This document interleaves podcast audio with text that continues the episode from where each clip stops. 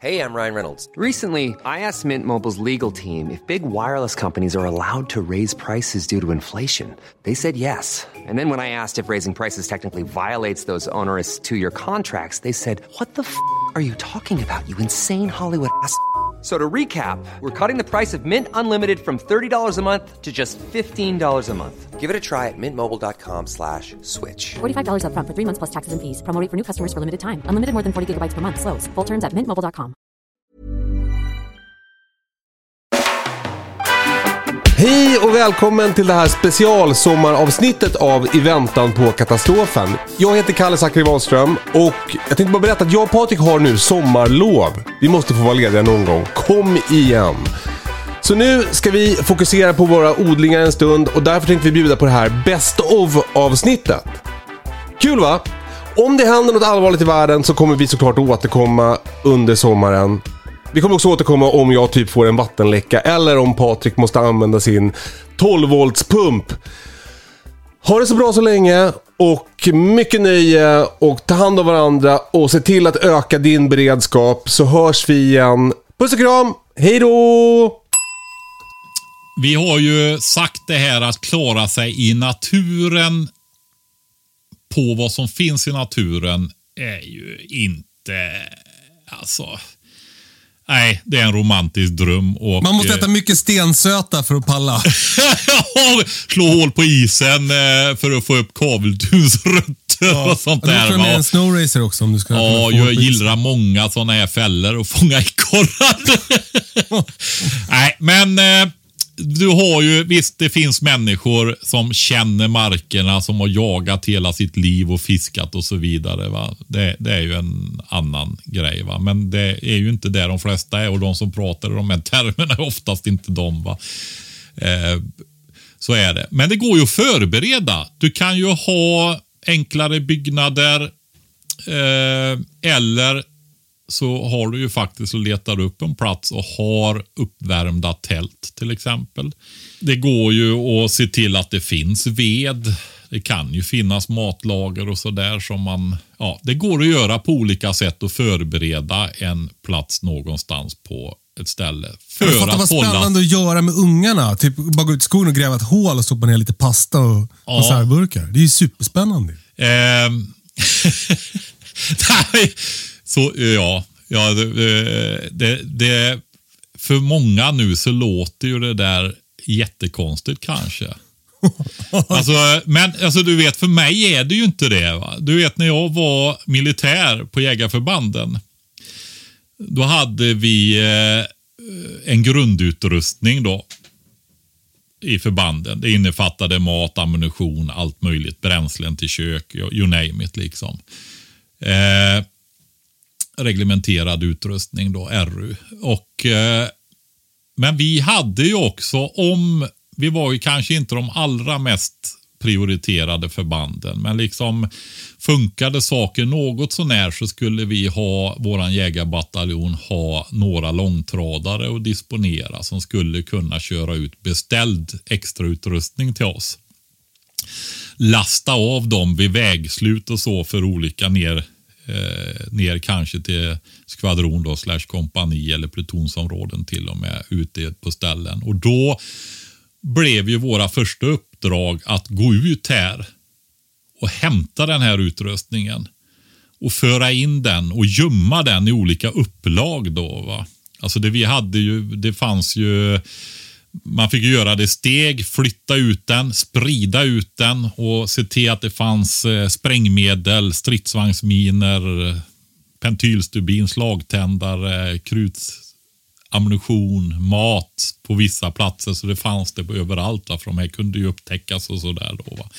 Men det gällde att få iväg dem och gömma dem. Och vi hade ju så här att vi hade dem i, eh, mycket var ju i vattentäta förpackningar och sånt där. Och det var ju att sänka dem i kärnar och sådana här grejer. Nu rekommenderar Jaha. vi inte det för beredskap på en, en evakueringsplats, men för att ge ett perspektiv på att för mig är det ju inte konstigt att göra sådana grejer egentligen. Jag är utbildad på det. Ja, ja. Så är det va. Men eh, det går ju att tänka så som en lösning. Alltså att eh, ha och beroende. Alltså hon skulle ju kunna skaffa sig ett bättre tält. Ett en tipi. Militärtält med kamin. Ehm, tänka igenom det där. Vad behöver man? Hur lång tid vill hon klara? Hur mycket mat? Hur mycket bränsle? Hur mycket vatten? Går det att fixa vatten? Vattenrening och så vidare. Va? Eh, och så är det ju det där med rädd- alltså, du vet inte vad som händer. Ha flera platser och ha flera pl vägar till varje plats. Vi sa ju det. Minst tre platser och minst tre sätt att ta dig till varje plats om du vill lägga ner det på det där. Say hello to a new era of mental health care. Cerebral is here to help you achieve your mental wellness goals with professional therapy and medication management support. 100% online. You'll experience the all new Cerebral Way, an innovative approach to mental wellness designed around you. You'll get a personalized treatment plan from a therapist, prescriber, or both in a safe and judgment free space. Your Cerebral therapist or prescriber will outline a customized plan with clear milestones along the way so you can get to feeling your best. With Cerebral, you're not alone in your mental health journey. We're here to empower you to live a fulfilling life. So take that first step towards a brighter future and sign up today at cerebral.com slash podcast and use code ACAST to get 15% off your first month. Offer only valid on monthly plans. Other exclusions may apply. Offer ends July 31st, 2024. See site for details. Ta vara på inspiration. Men när man agerar så agera utifrån kärlek och omtanke. Istället för utifrån rädsla och fruktan. Alltså det är mycket, mycket bättre drivkraft att använda sig utav den. Va? Om du har närstående eller så också. Så, så ta den drivkraften istället. Det bästa skulle jag väl skulle ju kunna vara det här att man faktiskt samarbetar med någon som har. Och att man förbereder så att man kan ta sig dit. Det som vi kallar evakuering då. Att man har en bestämd evakueringsplats. Helst flera stycken men i alla fall en. Och att man hjälps åt att förbereda den platsen då. När vet man när det är dags att dra helt enkelt? Alltså det är också det är ju sådana här superkomplexa frågor där man måste ha in, olika alla ingångsvärden och sådär också. Så det är svårt, men utan vi får ju resonera om det här igen då. Va? Och eh, vi har ju varit inne på det lite grann förut. Bor du i ett område, ja men alltså miljonområde, 50 000 lägenheter eller invånare eller vad det kan vara. Oerhörd mängd människor och sånt där. Va? Det finns inte, går inte att ha någon långsiktig beredskap och sådana grejer. Blir det allvarligare händelser, alltså vad ska du göra? Sitta och bygga upp högar med byggplastpåsar fulla i skit på balkongen eller vad, hur länge kan du göra det? Typ. Var hittar du vatten till slut som du kan koka? Och där har vi ju pratat om, vill man ha längre i den typen av bo, flerbostadshus så går det ju faktiskt att ha biobränslekök och koka utomhus med pellets till exempel. Va? Så man har uthålligare än en 10 liter teröd. Va? Men eh, så att jag tror ju bor man så, då får man ju ha Alltså väntar och väntar och väntar du för du tycker om din lägenhet väldigt mycket så är du ju där när alla ska iväg. När desperationen kommer. När alla vägar är igenblockerade och så vidare. Så där, där får du väl vara beredd att tänka igenom själv om du har för, och, och faktiskt ha någonstans att ta vägen i så fall. Ja, men det, vi måste hjälpa till här på det. Går det att göra någon slags skattningstabell? Går det, går det att skatta? Ja men alltså, ja, men alltså vad, ska- vad ska vi säga då? Hur fort ballar ur? Om vi utgår ifrån det området som jag, jag och jag, jag har svårt att tänka mig något mer utsatt läge än att finnas i den typen av bostadsområden där det är så mycket människor och de flesta är inte förberedda på något sätt. Eller ja, väldigt lite i alla fall ska vi säga. Förberedda på något sätt är ju folk bo, ja det kan man vara på många olika sätt delvis då. Men, men liksom där blir det ju väldigt besvärligt väldigt fort. Ja. Det gör ju det va. Så där får man ju göra det här, skaffa information. Vad är det som har hänt? Gör man bedömningen att det kommer att vara ja, vad ska vi säga är en tid? Om det är en, någonting som varar en vecka. Vad bra. Är det hållbart där? Skulle det vara det? Alltså om du tänker så här. Avloppen slutar funka. Ja. Finns ingen el. Finns inget vatten som kommer i kranarna. Det tog slut väldigt fort. Mat finns inte så det räcker hur fort tar den slut i ett sånt här område. Även om man hjälps åt och delar och några har lite mer. Hur länge räcker det? Jag tror du det finns eh, mat för en vecka i ett sånt område? Om du lägger ihop allt i en enda hög som finns. Som inte hinner bli förstört i frysen. Ah, ja, nej, nej, nej, det gör jag väl inte. Jag tror knappt det va. Alltså, då, då kan, man, kan, kan man säga så här som en generell regel att verkar det vara någonting som händer som tar över en vecka så bör man nog kanske lämna snarast. Ja. Därför att eh, väntar man längre så kommer saker och ting att börja eskalera och det blir riskfylldare och det blir eh, vägar kommer att blockeras kanske och sådana saker. Och så, va? Det, blir, det blir mycket krångligare. Eh, bedömer man att det tar tre, fyra dagar, då kan man stanna. Det kommer alltid vara en, en avvägning som man måste göra själv. Alltså du, du, du, du, du kommer inte att veta, för när, när man vet, då är det för sent. Då är det efteråt. Och, och det, då, alltså då vet man redan, när man, när, man, när man vet hur man ska göra, då, då brinner redan hela huset. Så, så därför så måste man, man måste lite, det kommer alltid vara en chansning. Kan man säga så? Ja, men så är det ju. Och det, det är ju som vi har sagt när det gäller det här med att vänta med att höja sin beredskap i huset när man vet att samhället inte har någon beredskap att tala om. Va? Och jag, framförallt inte för dig om det blir allvarligare störningar utan de kommer de verkligen ha fullt upp med sig själva.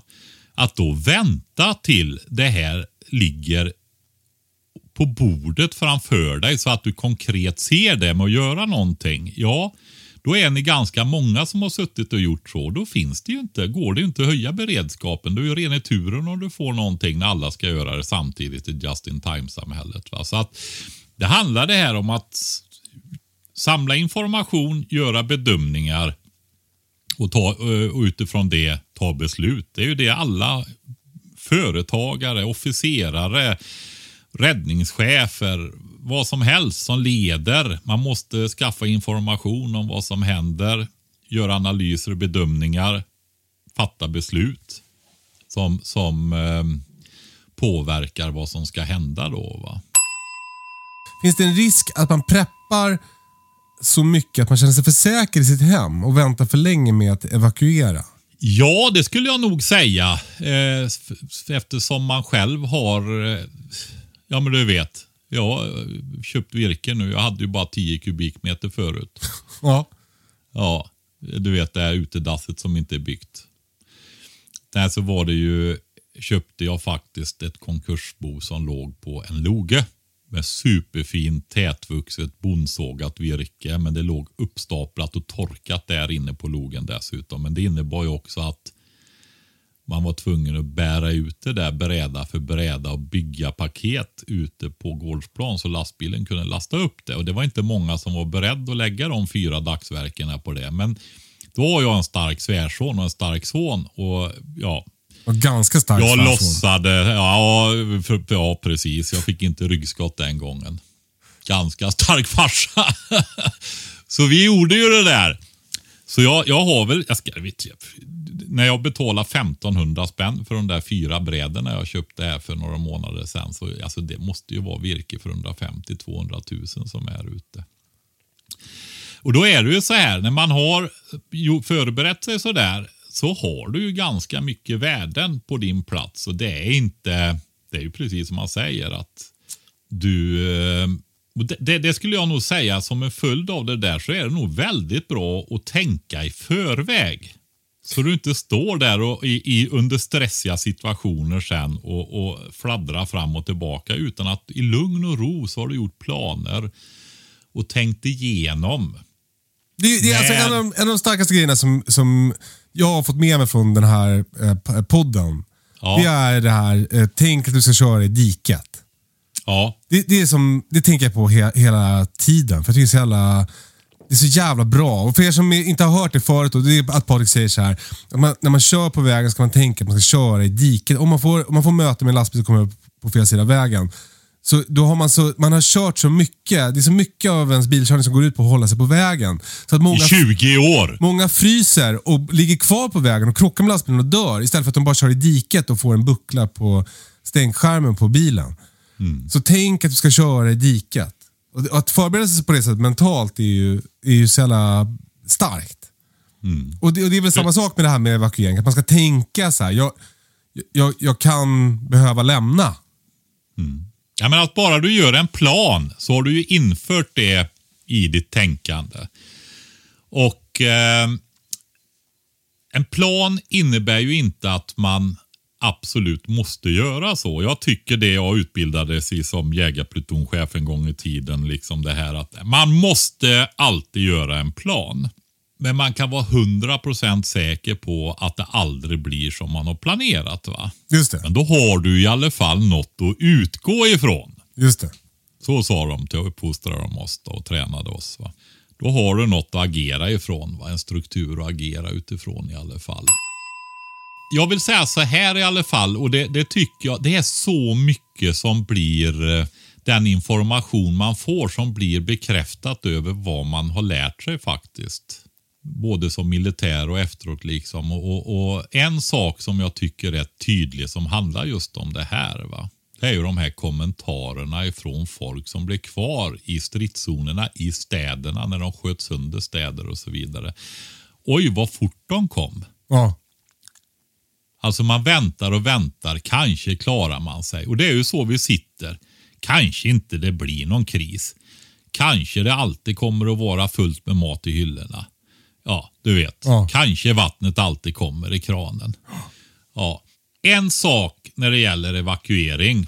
Och då, då är det ju så här, evakuering, det kan man säga eh, att man gör planerat. Då är det förberett. Va? Man, evakuerar, man evakuerar till en förberedd plats någonstans. Och där har vi ju sagt det här med om man, det optimala är ju att man har olika alternativ. Då, då kan det vara lätt att hålla sig till tre-regeln som vi pratar om så ofta. Va? Att man faktiskt har tre platser om man vill. Men har man ingen plats, alltså man börjar ju alltid med en visp innan man skaffar den andra vispen. Va? Internskämt för de som har lyssnat på hela poddserien. med tre gräddvispar. Va?